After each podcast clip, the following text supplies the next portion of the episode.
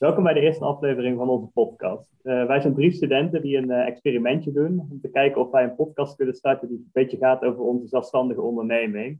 Want die proberen we met z'n drieën op te richten. En dan uh, willen we kijken of de podcast daarbij ondersteunt, zodat ook de luisteraars kunnen horen of het moeilijk is, of waar wij tegenaan lopen en wat wel goed gaat, wat niet goed gaat. Als jullie ook ooit eventueel een zelfstandige onderneming willen beginnen.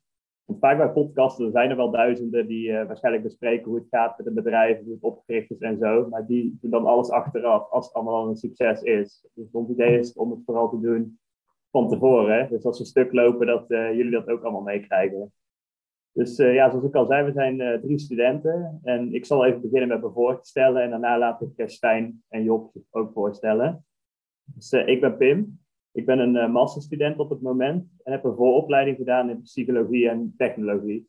Dat klinkt misschien een beetje als een uh, aparte combinatie van uh, opleidingen, want het is nogal tegenstrijdig. Maar het is meer een opleiding die me heeft geleerd hoe ik menselijke input kan omzetten in potentiële innovaties. En dan met name gespecialiseerd op data. Dus als ik veel data binnenkrijg van mensen, dat ik dat ook daadwerkelijk zelf een beetje kan interpreteren en goed op een rijtje kan zetten. Want een computer die haalt vaak wel verbanden uit data en allerlei dingen, maar die kan natuurlijk niet zien wat nou echt de emotionele uh, achtergrond is van de mensen die bepaalde acties hebben ondernomen, die dan uh, uiteindelijk naar data gaan.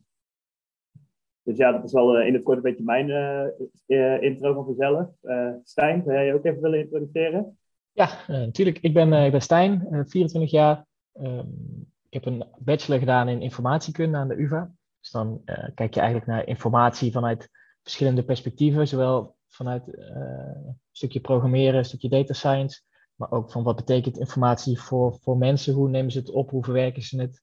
Um, en als laatste nog, hoe, hoe, wat voor rol speelt de informatie in een bedrijf. Um, vervolgens um, master data science gaan doen. en ja, daar gaan we dus nu ook uh, proberen een bedrijfje mee op te zetten. Uh, ik heb al eerder een kleine start-up gehad uh, met twee anderen waar ik uh, iets met smart home deed. Veel, heel veel geleerd, een half jaar tijd. maar dat, dat hebben we verstandigerwijs gestopt. dus hopelijk wordt dit een, een groter succes en ja, jullie gaan het meemaken vanaf begin tot eind. Dus Job, vertel. Ja, hallo allemaal, ik ben Job de. 23 jaar en ik heb uh, computer science gestudeerd aan de Technische Universiteit in Eindhoven. En na mijn uh, studie ben ik begonnen aan mijn master uh, data science en heb ik ook mijn eigen softwarebedrijf uh, Zetten Software Solutions opgezet, waar ik software consultancy en develop doe voor, voor logistieke klanten. Um, verder, mijn interesse in deze podcast is ook kijken van hoe kunnen we ja, zo'n uh, alternatieve verslaglegging van zo'n proces nou ook uh, toepassen, misschien wel buiten, uh, ja, buiten deze toepassingen, misschien wel buiten onze start-up. Ik denk dat dat ook wel volgt ja, vanuit de ervaringen die we straks gaan opdoen. Ja. ja, want behalve dat het leuk is om de podcast op te nemen en jullie mee te nemen, dwingt het ons ook om wekelijks te gaan reflecteren op wat we aan het doen zijn. Dus ik denk dat dat wel goed kan helpen in het, in het proces. Uh, ja. Het lijkt me ook leuk als het een soort van community kan worden, dat jullie ons, ons ook kunnen helpen of tips kunnen geven. Of nou, dat we een soort directe feedback loop hebben iedere week van, uh, hey, denk hier eens aan. Uh, dus ja, vandaag is een soort uh, inleiding. Weet je, over het team, wie zijn wij, wat gaan we Nou, niet eens wat gaan we doen, dat komt nog. Ehm, we moeten nog een idee verzinnen. Dus uh, ja, misschien voordat we het uh, naar de entrepreneurial uh, journey uh, schieten.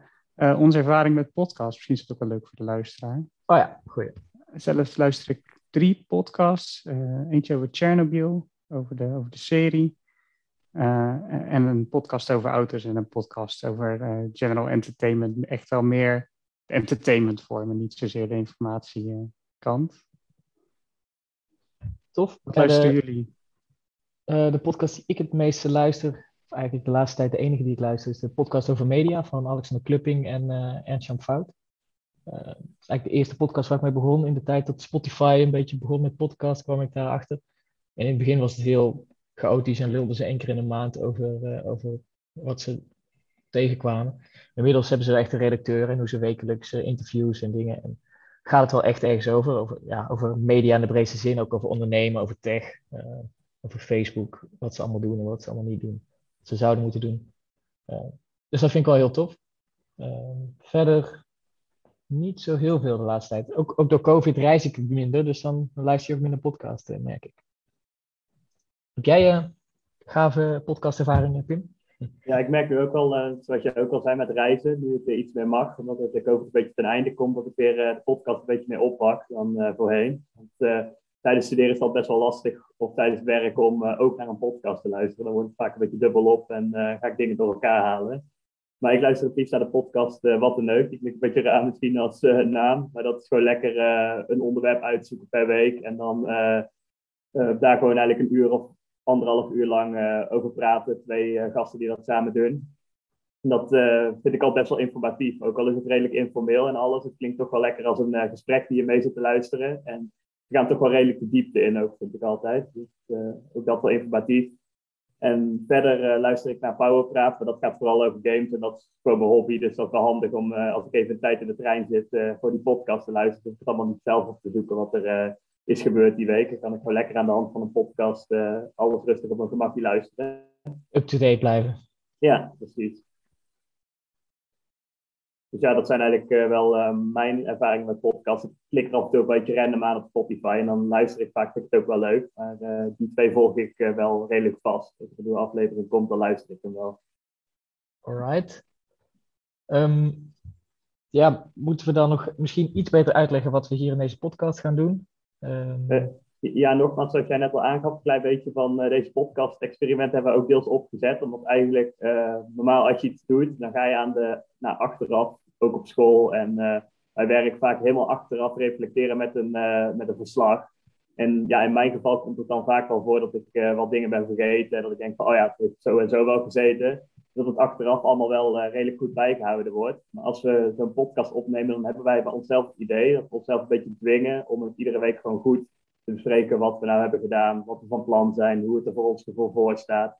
En dan, uh, ja, dan denken wij als experiment dat dat wel kan dienen als een alternatieve methode voor uh, ja, verslaglegging eigenlijk in het algemeen. Dus niet alleen voor onze uh, uh, zelfstandige onderneming, maar ook misschien voor bedrijven als die gewoon even alles willen bespreken in een redelijk informele setting. Dat het net wat makkelijker en gestructureerder gaat dan een rapportage die helemaal aan het einde een beetje snel in elkaar wordt gepland.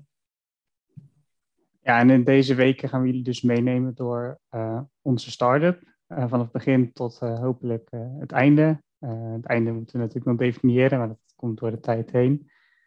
Ehm, het is zo met een start-up opzetten zijn er wel ook methodes die je kan volgen uh, om te zorgen dat je geen stappen overslaat en dat je de belangrijke stappen wel echt goed uitwerkt. En door al die stappen nemen we jullie mee uh, in de podcast en hopelijk eindigen we straks met een MVP, een minimal viable product, uh, een soort demo van ons product, die we ook ja, verder naar de markt kunnen brengen om voor testen en misschien wel een eerste release versie. Ja, ja, en wat, wat ook een ding is bij startups, is dat 90% faalt. Dus er worden, worden gewoon heel veel fouten gemaakt.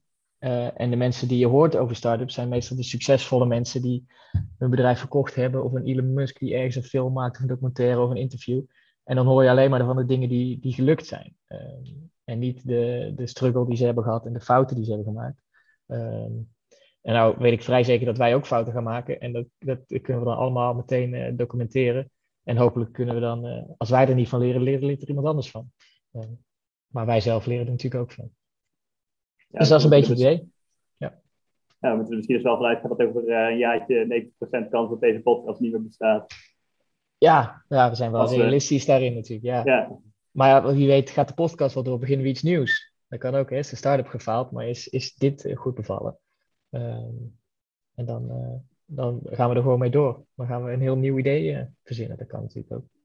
Ja, en er zijn wel handvaten om te zorgen dat je niet bij die 90% uh, hoort als start-up zijn. En, en dat begin, en dat is ook waar we deze aflevering over gaan hebben, is ook teamformatie en uh, je entrepreneurial rol en je persoonlijke rol in een team. En daarvoor hebben we ook wat, ja. wat handvaten voor gekregen.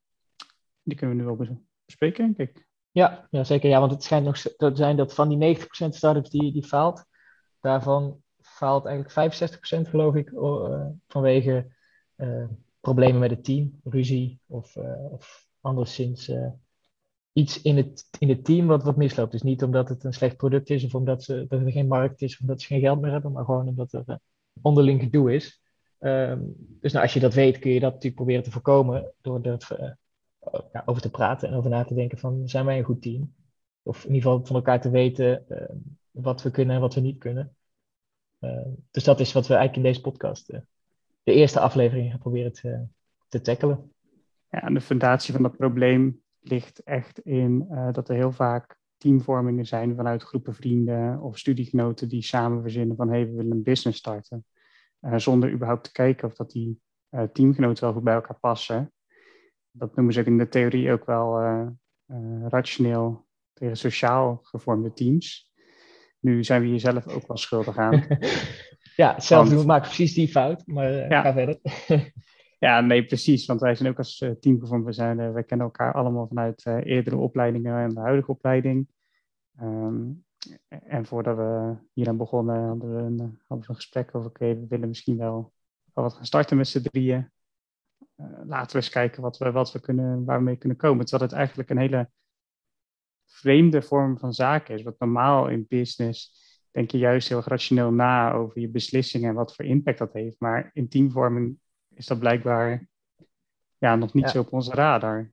Nee, nee dat, is, dat is nou helemaal zo. Maar ja, uh, ik denk wel dat het helpt dat wij er al, in ieder geval al bewust van zijn dat dit niet de juiste manier is. En dat we het er nu over hebben. En dat we nou, uh, ermee bezig zijn, dat helpt. Dat is al stap 1, denk ik. Uh, en dan is het nog steeds niet helemaal de perfecte manier, maar goed.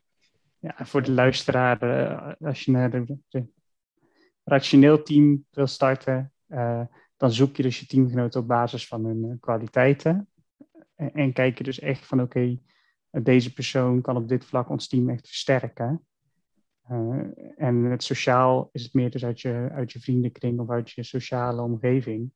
En dan moet je dus een soort van geluk hebben dat die persoon ook echt iets kan. Ja, dat hij niet dezelfde skillset heeft als jezelf. Maar echt iets anders in het team brengt. Ja, want het zou natuurlijk kunnen dat we allemaal uh, wel perfecte uh, dingetjes hebben. En daar komen we dadelijk een klein beetje op terug later in de podcast. We hebben wat testjes ingevuld die je dan eigenlijk normaal ook bij het vormen van een rationeel team doet. Van uh, wat voor type ondernemer ben ik, wat voor persoonlijkheid heb ik, dat soort dingen allemaal. Maar eigenlijk uh, in de basis van wat we hebben gelezen, heb je eigenlijk drie hoofdrollen nodig in een team. En was ik eigenlijk wel benieuwd naar of wij die een beetje, uh, een beetje hebben dan. Dat uh, noem je dan de hacker, de hustler en de hipster. Dus even nadenken. En dan um, zal ik ze even uitleggen ook voor de luisteraar. Een hacker is een persoon die gewoon lekker alles in elkaar kan beunen van er moet iets gebeuren, er moet een product uitkomen. de hacker die fixt het wel, die zorgt er gewoon voor dat het geprogrammeerd wordt of gebouwd of ontworpen. Ligt er een beetje aan in welke hoek uh, je zit met je onderneming en in welke hoek wij dadelijk uh, gaan zitten. Uh, de hustler is echt de persoon die het allemaal wel regelt naar buiten en gewoon qua communicatie. Dus die zorgt ervoor dat, dat de, het bedrijf echt staat, dat mensen van buitenaf weten dat we er zijn, wat we hebben gemaakt. En die kan het ook verkopen uiteindelijk dan. Het zakenmannetje. ja, het zakenmannetje, precies. En uh, de hipster is dan de, persoon die het allemaal bedenkt en heel creatief is. Want uh, uh, die rol ontbreekt dan nog. Als je die andere twee hebt, dan kan iemand wel heel goed bouwen en verkopen. Maar er moet natuurlijk ook echt een innovatief idee staan. Want als je weer hetzelfde gaat doen als talloze bedrijven al eerder hebben, gedaan, dan is de kans vrij klein dat je de markt overleeft. Als je in een zogenaamde Red Sea, dat is veel te druk. En we moeten eigenlijk in zo'n Blue Ocean terechtkomen waar een product vinden dat nog heel erg uh, nieuw op de markt is, maar toch wel een potentie heeft om uh, straks uh, aangenomen te worden door bijvoorbeeld de investeerders en kopers. Ja, dus, dus vertel Pim, wat ben jij? Ja, dat vind ik dus wel moeilijk, want het zijn echt drie rollen die je dan ziet. Maar als ik al zo denk, van, dan ga ik heel makkelijk zeggen van ik vind mezelf een beetje van alles. Maar dat is wel de valstrik die denk ik iedereen noemt. Want ik heb wel wat ervaring met uh, programmeren of dingen in elkaar zetten. Maar ik ben geen top-expert, zeg maar. Het is niet mijn, uh, mijn ding om uh, gewoon puur op een kamer te gaan zitten twee weken en het zit in elkaar. Dat is niet helemaal mijn ding ik kan wel redelijk uh, communiceren, dus de hustler zit er bij ook wel in, maar een echte verkoper ben ik niet. Daar ben ik denk ik iets te zacht voor. Uh, moet je vaak wel echt een hard persoon hebben die heel erg uh, zelfverzekerd kan staan van dit is wat we hebben gemaakt en dat is bijna helemaal perfect. En dan heb ik toch al vaak te snel dat ik ga kijken van, oh ja, dat voelt nog niet helemaal perfect, dus dat kan ik ook zo niet verkopen. Dat is een beetje een eigenschap die dan niet echt handig is om te hebben. En uh, ja, ook als derde de hipster. Uh, ik ben vrij creatief, ik kan wel ideeën bedenken, maar ik ben ook niet iemand die buitengewoon als creatief persoon wordt gezien. Ik ben van mezelf bij redelijk rationeel en soms is dat juist niet wat je nodig hebt. En moet je juist buiten alle bestaande vormen denken om met een idee te komen dat echt heel erg eruit springt op de markt. Ja. En uh, geldt jullie hetzelfde, of, uh, Stijn? Of, uh, um, ja, denk zeker in alle, in, alle drie zit wel, zit wel iets wat ik heb en iets wat ik mis. maar als ik naar die drie kijk, denk ik dat ik het, het meest een hipster ben. zo zie ik mezelf in ieder geval met, met veel ideeën, veel onzinnige ideeën, af en toe een goed idee. Um, maar dat is denk ik wel um, wat me in, in, in, ja, in dit kader het beste zou beschrijven ook wel een beetje een hacker natuurlijk, best wat uh, programmeerervaring en, en, veel met data gedaan. Um, Hustler is iets wat ik wel graag beter in zou worden. Ik op zich ben ik er niet heel slecht in. Ik heb ook best lang in een, uh, in een hardloopwinkel gewerkt waar ik schoenen verkocht. Dus daardoor is het wel beter geworden om nou, gewoon met, met vreemden te praten en te verkopen en te doen. Maar het, is niet, komt niet heel natuurlijk om echt, uh, echt ja, zelfverzekerd te gaan verkopen. Maar als ik me daar zelf, mezelf naartoe zet, en ik heb vertrouwen in hetgeen dat ik aan het verkopen ben, dan, dan valt het niet tegen, als ik het zelf zo mag zeggen. Um, dus ja, dat is, uh, dat is het denk ik een beetje. En Job is denk ik echt de hacker. Tenminste, zo zie ik Job. Maar vertel, misschien mis ik het. Uh, mis ik het ja, dat is wel het, dat is wel het, het eerste antwoord natuurlijk. Computer science gestudeerd. Ik heb heel veel geprogrammeerd. Ik heb een eigen developmentbedrijf. dus inderdaad, de hacker, dat zit wel in mij.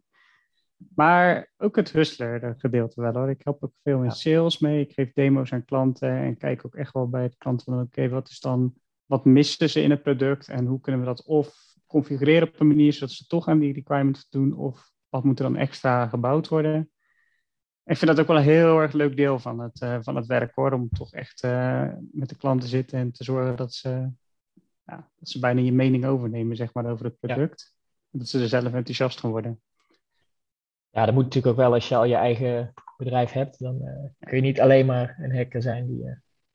Ja, en in de hipsterrol vind ik het leuk om nieuwe ideeën te bedenken, maar het is nooit echt heel natuurlijk. En dat ik denk wel dat je dat echt nodig hebt bij de hipsterrol. Dat je natuurlijk met heel veel ideeën op de prop komt en dan daar echt een tof iets uit bouwt. Oké, nou ja, dan ben ik nu benieuwd. We hebben allemaal die, die testjes ingevuld dat Pim ons heeft voorgeschreven om uh, ja, allemaal van die vragen van uh, hoe, ja, om te, je pers persoonlijkheid te achterhalen. Dus die gaan we hier dan meteen de resultaten openbaren. Aan publiek, gewoon meteen onze hele persoonlijkheid op straat. Ja, het waren twee verschillende testen. en die eerste test is, is echt over je personaliteit. En de tweede test is meer over je entrepreneurial rol. Ja. Zegt dat zo goed? Ja, meer je, je je neiging tot ondernemen of je, ja, hoe zeg je dat? Oké, zullen, we, zullen we eerst die 16 eh, personaliteit uh, test bespreken? Ja. We hebben hem van tevoren dus ook niet met elkaar uh, nog gesproken. Nee. Want we dachten dat we het rechtstreeks doen in de podcast, dan uh, komt het misschien wel eens een verrassing. En kunnen we echt een beetje op elkaar inspelen en discussiëren. In plaats van dat we van tevoren alles al ja. En we zitten bedenken van uh, wat we kunnen zeggen en wat we niet kunnen zeggen. We moeten gewoon open kaart spelen. Dat is ook een deel van uh, ik ben heel benieuwd. het ondernemersproces. Zou het zijn als we allemaal hetzelfde zijn? Dan kunnen we net zo goed ophouden met onze start-up. We moeten natuurlijk een divers team hebben. Hè? Dat schijnt ook, in, in onderzoek komt het ook naar voren. Diversiteit is heel, is heel belangrijk. Dus nou, laten we hopen dat we een beetje divers zijn.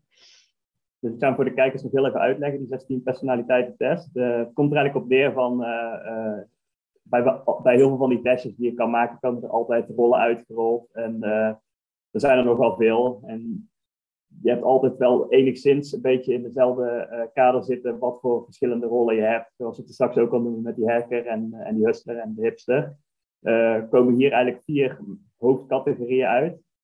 Ik zal het even opnoemen. Je bent of eigenlijk een analist. Dat zijn gewoon mensen die best wel recht door zee zijn en uh, gewoon dingen op de bodem willen uitzoeken. je hebt diplomaten, dat zijn mensen die heel goed zijn in het team en in samenwerken en uh, echt uh, naar het beste op zoek zijn. Je hebt sentinels, dat zijn mensen die heel erg goed zijn in dingen organiseren daadwerkelijk. Als je die in het team hebt, dan loopt het waarschijnlijk gewoon goed. Die helpt je en zorgt ervoor dat alles goed op de pootjes terechtkomt. En als laatste heb je explorers. En dat is een beetje uh, vergelijkbaar met die hipsterrol die we eerder hadden. Dat zijn mensen die heel flexibel zijn en echt op zoek zijn naar uh, nieuwe dingen eigenlijk in het leven. Dus uh, ja, dan vraag ik eerst wel aan Stijn van wat kwam er bij je uitgerold? In welke categorie zat jij en welke daadwerkelijke rol heb jij? Ja, ik ben explorer. Um, en hier staat ook dat ik een entrepreneur ben. Dus dat lijkt me, lijkt me een goed teken. Ik ben extraverted, nou, 53% ten opzichte van 47% introvert. Dus dat is een beetje twijfelachtig om te zeggen dat ik echt extravert ben. Uh, observant, thinking en prospecting. Uh, dus dat past wel een beetje bij die, bij die hipsterrol, denk ik. Uh, en ik, ja, zo zie ik mezelf ook wel. Wat je net zegt, dat, uh, dat ja, creatief en wat zei je nog meer? spontaan. Ik, ik ga gewoon spontaan op vakantie omdat iemand tegen me zegt, wil je naar Ibiza? Ik zeg, ja, is goed. We gaan morgen. Um, dus, dus ja, ik ben wel op zoek naar nieuwe dingen en ja, wel in voor, voor avontuur. Dus op zich past dat wel bij mij. En um, ben ik wel heel benieuwd wat, wat jullie zijn. Job? Ja, ik ben blijkbaar de protagonist. Um, daar ben ik natuurlijk wel, dat weet ik mee eens. Ik vind het ook echt leuk om een doel te hebben en daar met een groep naartoe te, te streven. En ik ben dan denk ik ook wel de persoon die, ook als het zwaarder wordt, wel mensen kan motiveren om toch ja, even die extra stap te zetten om, om daar te komen. Heel goed. Want dat, dat, is een mooie combi, denk ik. Want ik ben natuurlijk, klinkt allemaal leuk zo exploren, maar je kan daardoor ook gewoon uh, van het ene idee naar het andere idee en een beetje weinig gedisciplineerd van alles uh, leuks verzinnen. Uh, dan hebben we iemand nodig die het een beetje één kant op stuurt. Dus dat lijkt me goed. En die, die, ja, die protagonisrol van Job die zit dus ook in het diplomatische vak. Dus we hebben al twee verschillende categorieën, dus dat klinkt al wel ergens goed. Want ja, ik zelf zit in de derde, ik zit in de analist. Ik ben volgens deze test een architect. En daar kan ik me ook wel redelijk invullen in de. Want de basisomschrijving is dat het mensen zijn met redelijke fantasie en die redelijk strategisch zijn. En dat is waar ik mezelf ook altijd wel graag in plaats. Ik bedenk altijd wel graag een optie voor alle verschillende dingen die er zouden kunnen gebeuren, dat ik een beetje mijn hoofd aan het uitdenken ben van als deze kant op gaat, dan zou ik best snel die actie kunnen ondernemen. En als we die kant op gaan, dan juist die.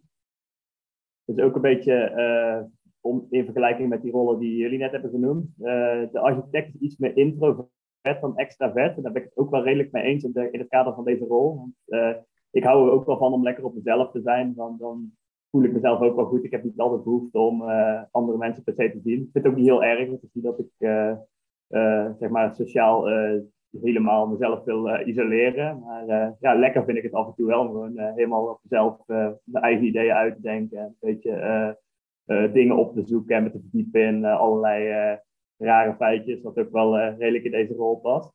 Dus ja, als ik dat zo, zo zie eigenlijk, dan we hebben best wel een divers team volgens deze test dan. Uh, het kwam wel lekker uh, uit elkaar. Dan missen we alleen die ene rol, maar ja, dat is uh. Ja, wat, wat, wat missen we dan precies? De Sentinels, dus degene die het eigenlijk echt um, managen, denk ik dat het op neerkomt. Ja. ja. Toch een beetje de hustler die, die het regelt. En, ja. Ja, ook een beetje ja. de moedertypes zitten daarbij, als ik het zo zie. Zeg maar, de moedertypes? Uh, ja, die een beetje warm zijn voor heel het team en zorgen dat het gewoon een warm ah. is. De defenders van, uh, van het team. Uh. Ik ja, denk ja, dat we ja. allemaal die rol maar een beetje moeten delen dan. ja, nou ja, dat is goed dat we daar ons bewust van zijn. Dat we dus een beetje allemaal voor elkaar moeten zorgen. ja, ook, ook wel leuk nog even als extraatje, want als je naar die rollen kijkt, dan kan je ook een beetje zien welke echte mensen erop lijken. Want hebben jullie dat ook weer gecheckt?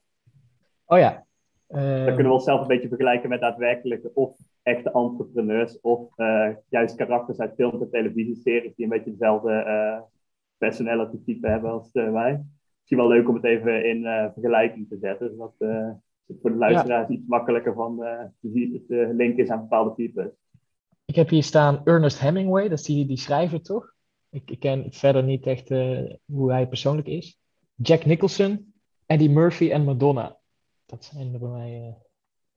Dus ja, ja dat, vind ik wel leuk. Ja, een beetje de outgoing types inderdaad. Ik het zo ja.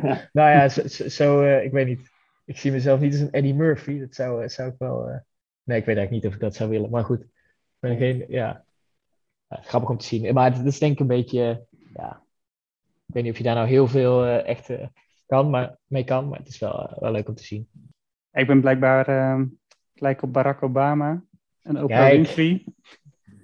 En uh, John, uh, John Cusack ken ik niet. En uh, Ben Affleck. Oké. Okay. Hm. Barack Obama, kijk, die kunnen we er wel bij hebben. Ik heb toevallig de vrouw van Barack Obama. Ik heb Michelle Obama. maar dat is toch wel een moedertype? Dat vind ik wel een moedertype. Nou, nee, dat... is ook wel echt, volgens mij is ook wel een goede strategie van goede politici. Ja, dat wel. Lekker uh, alles goed overziet en uh, gewoon rationeel uh, zegt de zij denkt. Ja, maar ook, ook, wel zorgelijk. Hoe noem je dat? Zorg, zorgend. Ja, dus, ja, ik denk ook niet dat het een het ander uitsluit per se in, nee, rollen. Maar ja, Elon Musk staat er bijvoorbeeld ook tussen. Dat is inderdaad oh. ook echt zo iemand die lekker strategisch allerlei dingen probeert op te zetten. Nou, op zich, als je het zo even op een rijtje zet, Barack Obama met Elon Musk en Eddie Murphy, dat is best een, uh, een leuk start-up scene. Ja, klinkt goed. Al durf ik mezelf toch niet helemaal met Elon Musk te vergelijken. Zo zou ik niet gaan. Nee, die moet je gewoon ownen, Pim. Je, je hebt ja. een test ingevuld, dat is geen onzin. Je bent gewoon... ik voel me voel precies hetzelfde als Barack Obama. Ja, dat is gewoon wetenschappelijk onderbouwd. Dan kunnen we...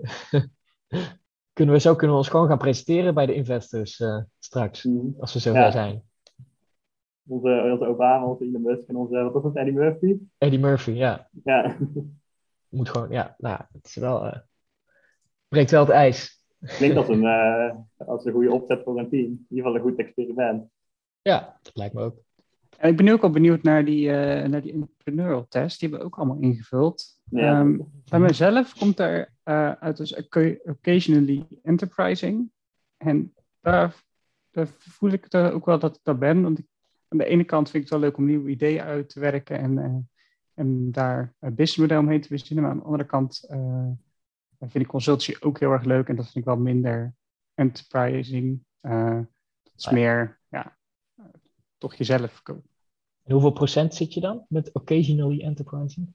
Staat het, bij mij staat er, misschien moet je dan op die, die PDF-versie klikken, dan krijg je dan wordt het ook ja, dan wordt het wat verder uitgewerkt ook met die uh, uh, verschillende puntjes die je op uh, entrepreneurship kan hebben. Volgens mij zijn die redelijk algemeen. Als het een van niet proactief bent, autonomie, creatief. Dat is volgens mij bij al die entrepreneur testjes wel punten waar je opgescoord wordt. Dus ja, ik heb net als jou Job ook occasionally enterprising. Ook al zie ik jou toch wel echt iets meer als een entrepreneur dan mezelf. Maar uh, als ik zo kijk naar hoe ik score op alle verschillende puntjes, dan ben ik het daar wel redelijk mee eens. En dan pak ik even de twee meest uitschieters eruit. Van, uh, ik ben absoluut niet risk-taking. En dat vind ik ook wel weer goed terug te slaan naar die voorrol die ik kreeg als architect. Want ik denk het liefst alles uit, alle verschillende scenario's. Ik ben er echt niet van, van ik ga dat pad wandelen en ik weet niet waar het uitkomt. Dat is gewoon niet mijn type. Ik moet weten wat er aan het einde ligt of uh, waar ik heen ga, anders dan doe ik het gewoon niet. Ja, dat is het eerste verschil. Dat is heel grappig, ja. Wat had je daar als percentage, Pim? Uh, bij riskteken. Ja? Daar staat niet echt een percentage, maar ik zit wel echt in het rood. Een beetje het oranje-rood. Ik ben echt, ja, ik ben echt niet risk Oh, ik zit echt ja, bijna helemaal groen. Helemaal aan het einde bijna. Ja, maar dat vind ik dus ook wel fijn. Want, ja, wat, jouw rol die je straks noemde van, uh, van exploren, dat is natuurlijk echt het riskteken type. Van uh, in de ja. vakantie, van iemand belt me op uh, en ik ga mee. Als iemand dat bij mij zou doen, ja. zou waarschijnlijk de, de, week lang aan het nadenken zijn van, oh, vergeet ik dan niet iets die week? Oh nee, ik word, ik word er zo moe van. ik heb het soms met mijn vriendin ook, die gaat dan, wat dan ook, als we iets willen kopen of zo, die gaat alle opties helemaal uitzoeken, echt uren besteden aan alles, voor's en tegens. En ik vind het gewoon natuurlijk rationeel gezien aan het einde, als jij twee dagen besteedt om de beste uh, optie te vinden, dan heb je uiteindelijk misschien net een betere optie of een betere deal. Of heb je een tientje bespaard, of je 100 euro bespaard, whatever. Ik ik heb liever gewoon, ik maak liever gewoon in vijf minuten een beslissing. En dan is het misschien net niet de goede beslissing. Maar dan ben ik wel twee dagen bespaard. En dan heb ik gewoon lol en dan weet ik niet wat ik mis. Als je, als je alles uitzoekt, dan is er nooit, er is nooit één perfecte oplossing. En je weet precies wat je mist. En aan het einde ga je helemaal evalueren. Ja, maar nou, misschien was dat ook wel leuk geweest. Terwijl als je gewoon iets tegenkomt en je doet het. En je hebt een leuke tijd. En misschien heb je geen leuke tijd. Maar ja, dan weet je dat de volgende keer wel weer. Snap je? Ja. Ik, ik, ik, ja, ik weet niet. Dan weet je ook gewoon niet wat je, uh, wat je mist of zo. Of wat je had kunnen hebben. Maar dan heb je het gewoon leuk op het moment zelf. Ja, ik denk alleen van dan, had ik, dan, dan weet ik inderdaad niet wat ik had kunnen hebben. En dan denk ik van ja, dan maakt het me ook niet uit. Ja, maar, maar ik vind het wel handig, als ik, als ik het zo hoor, van uh, wel risktaking, niet risktaking. Het is best wel handig om te hebben, want je hoort best wel vaak ook dat naast het feit dat er uh, groepsconflicten ontstaan, uh, teams ook kapot kunnen gaan op het gaan van geen risico nemen. En daar zou ik dan snel heel erg intrappen waarschijnlijk, dat ik te lang dingen aan het uitdenken ben voordat ik echt actie onderneem. En dan kunnen jullie mij ja. daar echt op het goede pad zetten van, we gaan ervoor. Maar ook niet dat we heel erg uh, impulsief van, oh, we zien iets, we doen het en het bedrijf is kapot. Want dat er ook wel iets van nee, uh, absoluut. nagedacht wordt. Het, het, is heel goed dat je erbij bent, denk ik. Want we moeten, ja, ik kan wel weer iemand gebruiken die af en toe op de rem trapt en die zegt, uh, wat ben je nou weer van plan, idioot? Zeg maar. Dus, ja, dus, dus ondanks dat we, begonnen met het team sociaal samengesteld, komen die testjes eigenlijk wel redelijk goed uit. Waarom misschien ook wel bij elkaar gekomen als we het op een rationele manier hebben gedaan. We hebben natuurlijk niet helemaal doordacht en uitgezocht, maar uh, we verschillen genoeg om uh, niet gewoon uh, drie precies dezelfde types te zijn die in dezelfde valstrikken gaan staan.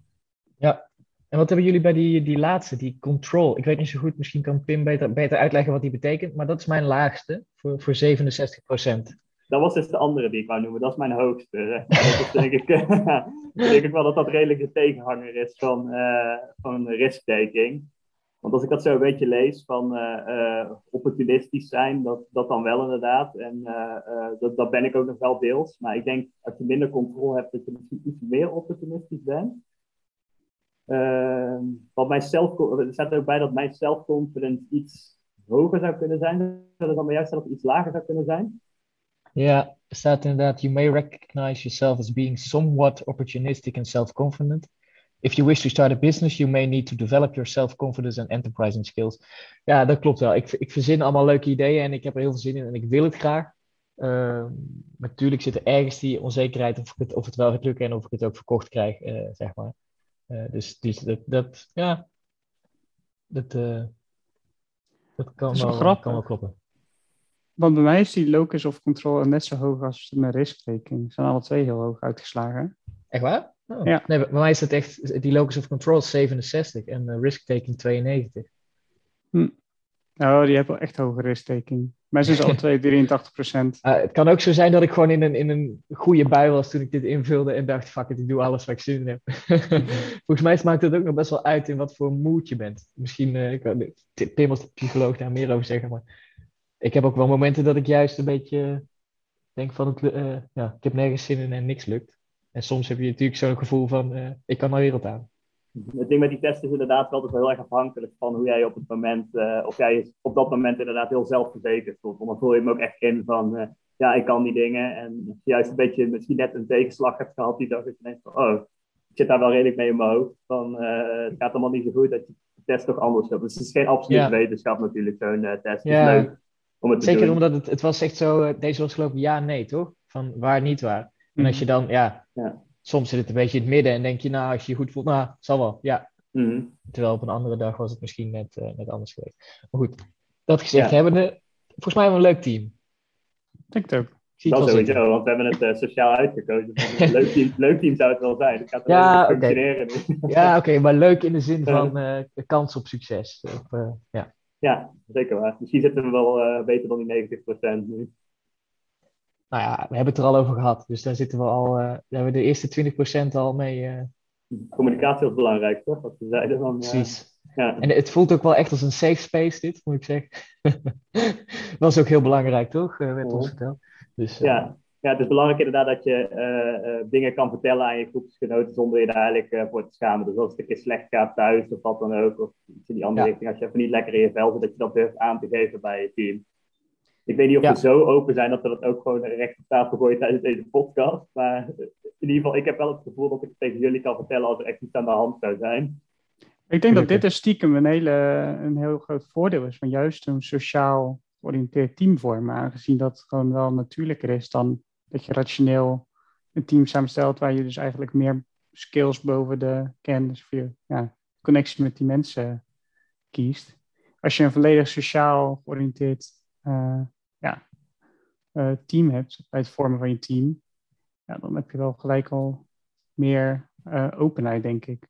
Ja, ja, jawel, maar het kan ook, het kan ook wel tegen je werken, denk ik, omdat je misschien ehm, dingen niet wil zeggen uit angst om je, om je, om je vriendschap te verliezen buiten het hele start bijvoorbeeld. Hmm. Of?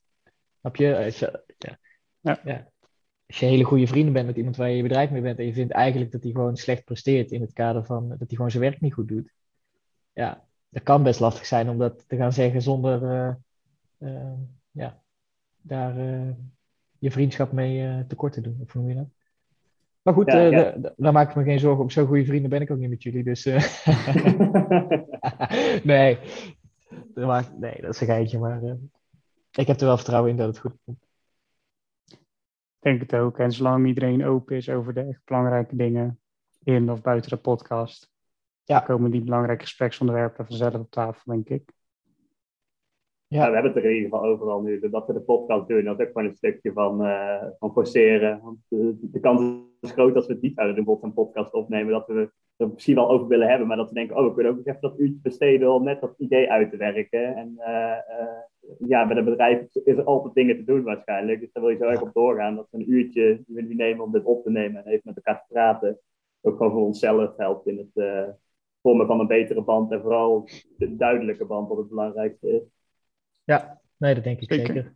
Ehm, wat we misschien ook even moeten bespreken. We hebben dat kort eh, buiten de opname gedaan. Maar wat een beetje ons, ons doel en onze verwachtingen eigenlijk hier van, eh, van dit hele avontuur zijn. Want dat is natuurlijk wel belangrijk dat we eh, op één lijn zitten. Dus eh, ja, laat ik zelf, zelf beginnen. Ik denk, kijk, ik hou natuurlijk van avontuur. Dus het is, het is sowieso een mooi avontuur wat er ook gebeurt. Maar het lijkt me wel heel vet als we er echt iets van kunnen maken. Ik wil daar wel eh, ja, volop inzetten.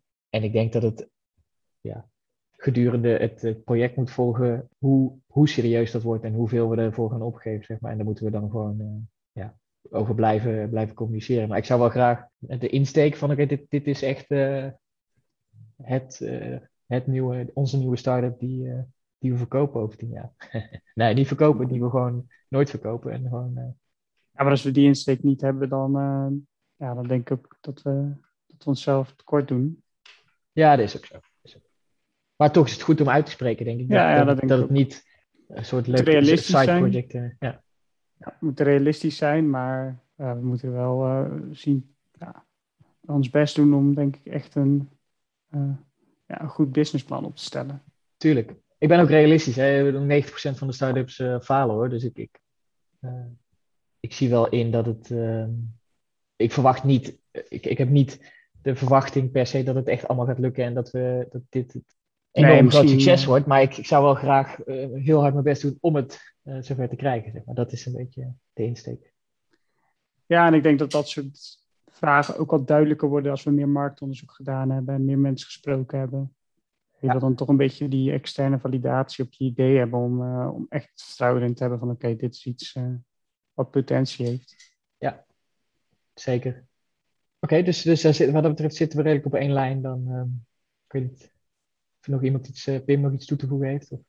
Eh, ja, als doel echt van het bedrijf. Dat je noemde. Dan, eh, oh ja, inderdaad, ik ben het er Ja, helemaal of mee je eens. verwachting. Van, eh, of, ja, verwachting inderdaad van eh, het liefst zet ik ze wel hoog.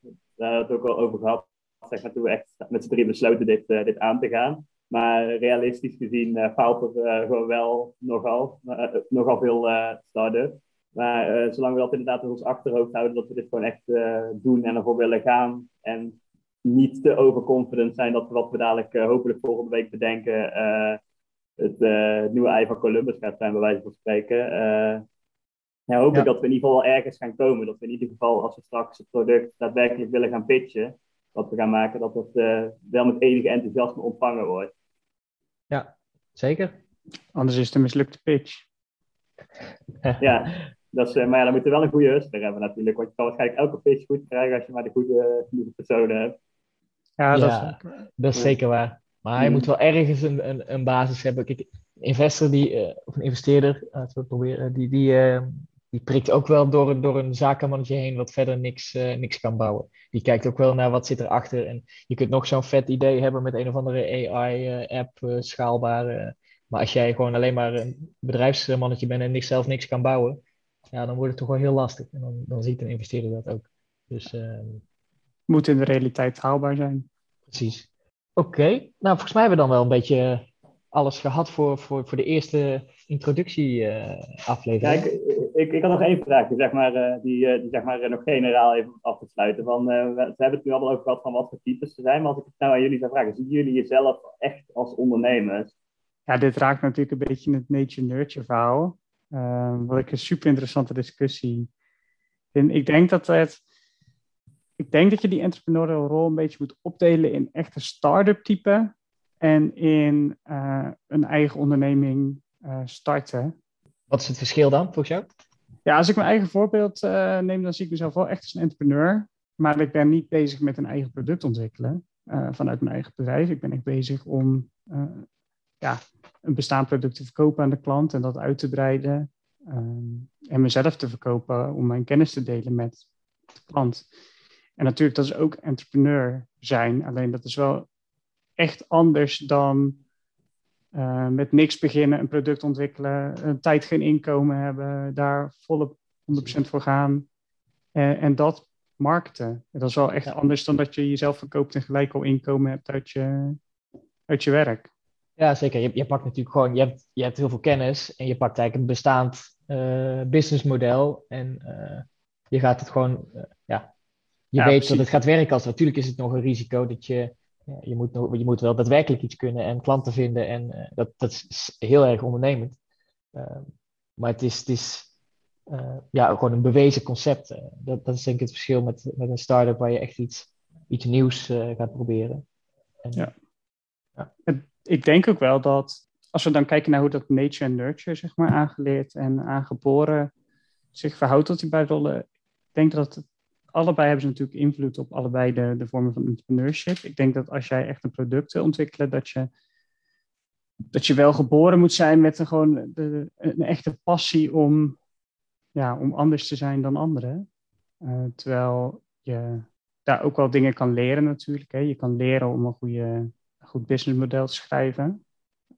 Dus dat is dan wel weer het, uh, het, het nurture ding uh, in, in, dat aspect.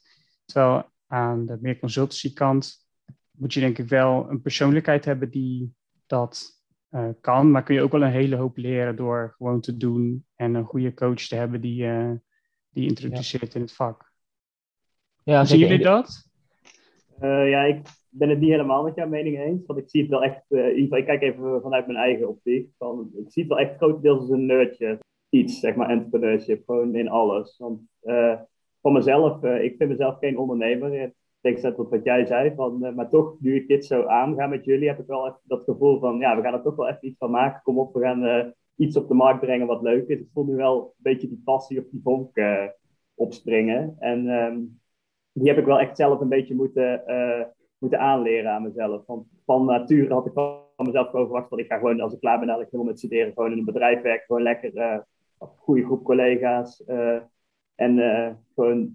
Huisje, bezig. Ja, gewoon lekker, lekker werken aan iets wat ik leuk vind. Dat is natuurlijk altijd wel belangrijk. Maar nu ik dit jaar en vorig jaar heb ik ook een beetje geëxperimenteerd met consultancy. Zoals jij daadwerkelijk in de praktijk hebt met het bedrijf. Nu dat heb geëxperimenteerd en nu een beetje een start-up wil uh, proberen, heb ik wel het idee dat het toch enigszins nurture, dat, dat ik het mezelf wel, uh, dat ik het gewoon moet doen en het mezelf aan moet leren. Ja, dat ben ik wel met je eens. Je kunt natuurlijk, je kunt er zeker door middel van nurture een beetje meer naartoe getrokken worden of in verzeild raken als het ware. De vraag is dan natuurlijk nog of het gaat lukken. Of je er echt voor in de wieg bent gelegd om, het echt, om echt een succesvolle uh, ondernemer te zijn. En ik denk dat daar ook wel een stukje nature bij zit. Van, dat, je, dat het echt in je zit om.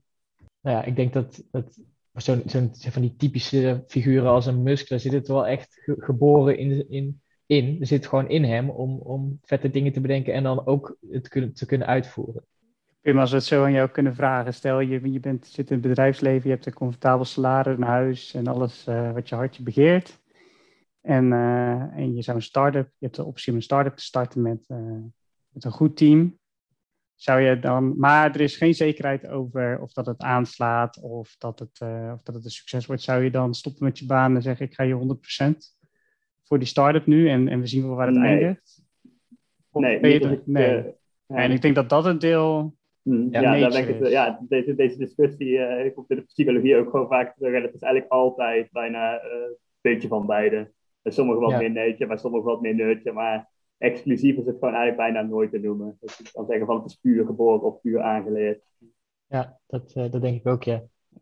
Ja, maar dat komt er inderdaad een beetje terug dat wat je zei met dat risk-taking. want dat is te veel risico voor mij. En dan denk ik van, ik zit al goed. Het is wellicht heel leuk en wellicht leuker, maar ik weet niet hoe dat pad gaat stranden, uh, dat schip. Uh, dus dan is de kans bij mij waarschijnlijk kleiner vergeleken dan misschien met jullie dat ik die optie zou nemen. Ja, nou ja, misschien, ik, ik, zou daar denk, ik zou er ook wel over nadenken hoor. Misschien klinkt het nu alsof ik dat dan blind zou doen meteen, maar ik denk wel dat ik. Nee. Ja, ik heb ook een vriendin en misschien heb ik tegen die tijd ook een huis. En dan, dan is het natuurlijk de situatie ook heel anders. Dus ik kan.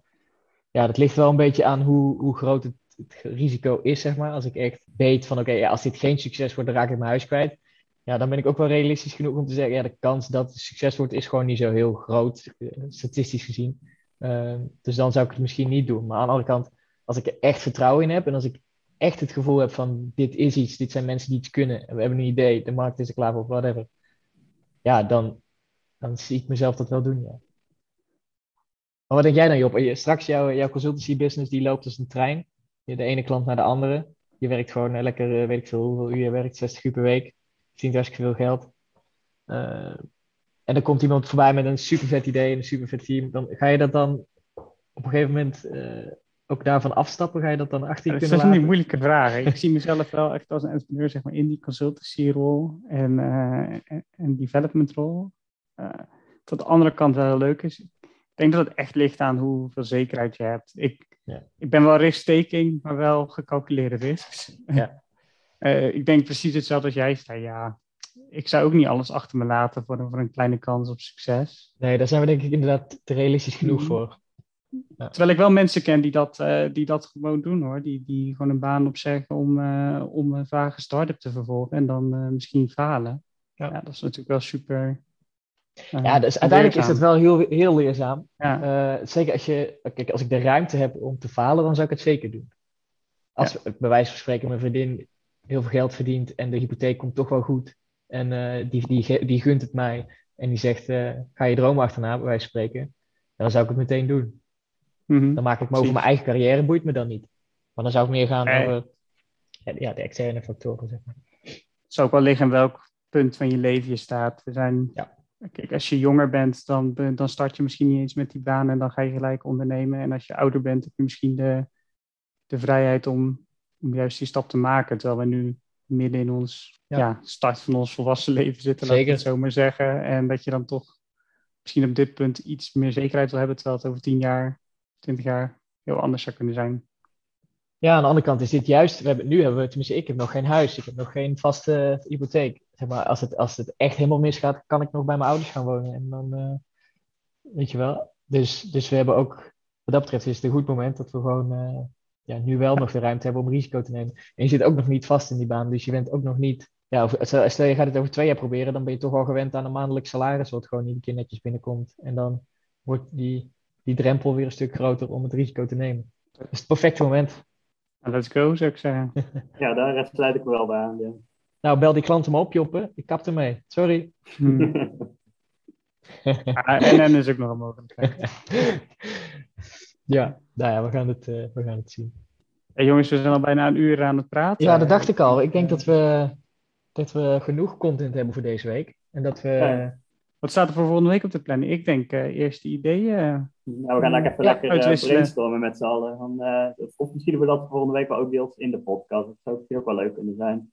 Je weet nooit wat er, wat er ontstaat. ja. Ja. Gewoon allemaal goed uh, ideeën bedenken, misschien deze week allemaal wel. En dan komen we de volgende week uh, met z'n allen uh, voor we wat op tafel. Dan gaan we daar ja. kijken van wat vinden we wel leuk, wat vinden we niet leuk.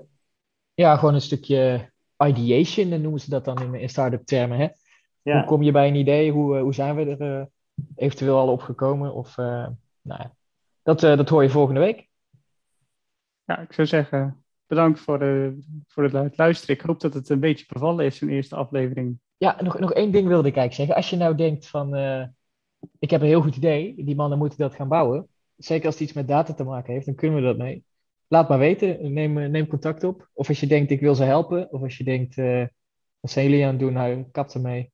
Dit wordt niks. Dan moet je het ook zeggen. Dat uh, vinden we alleen maar leuk als het een soort community kan worden. precies. Dus dat is hem dan. Tot, tot volgende week. Tot volgende week. Tot volgende week.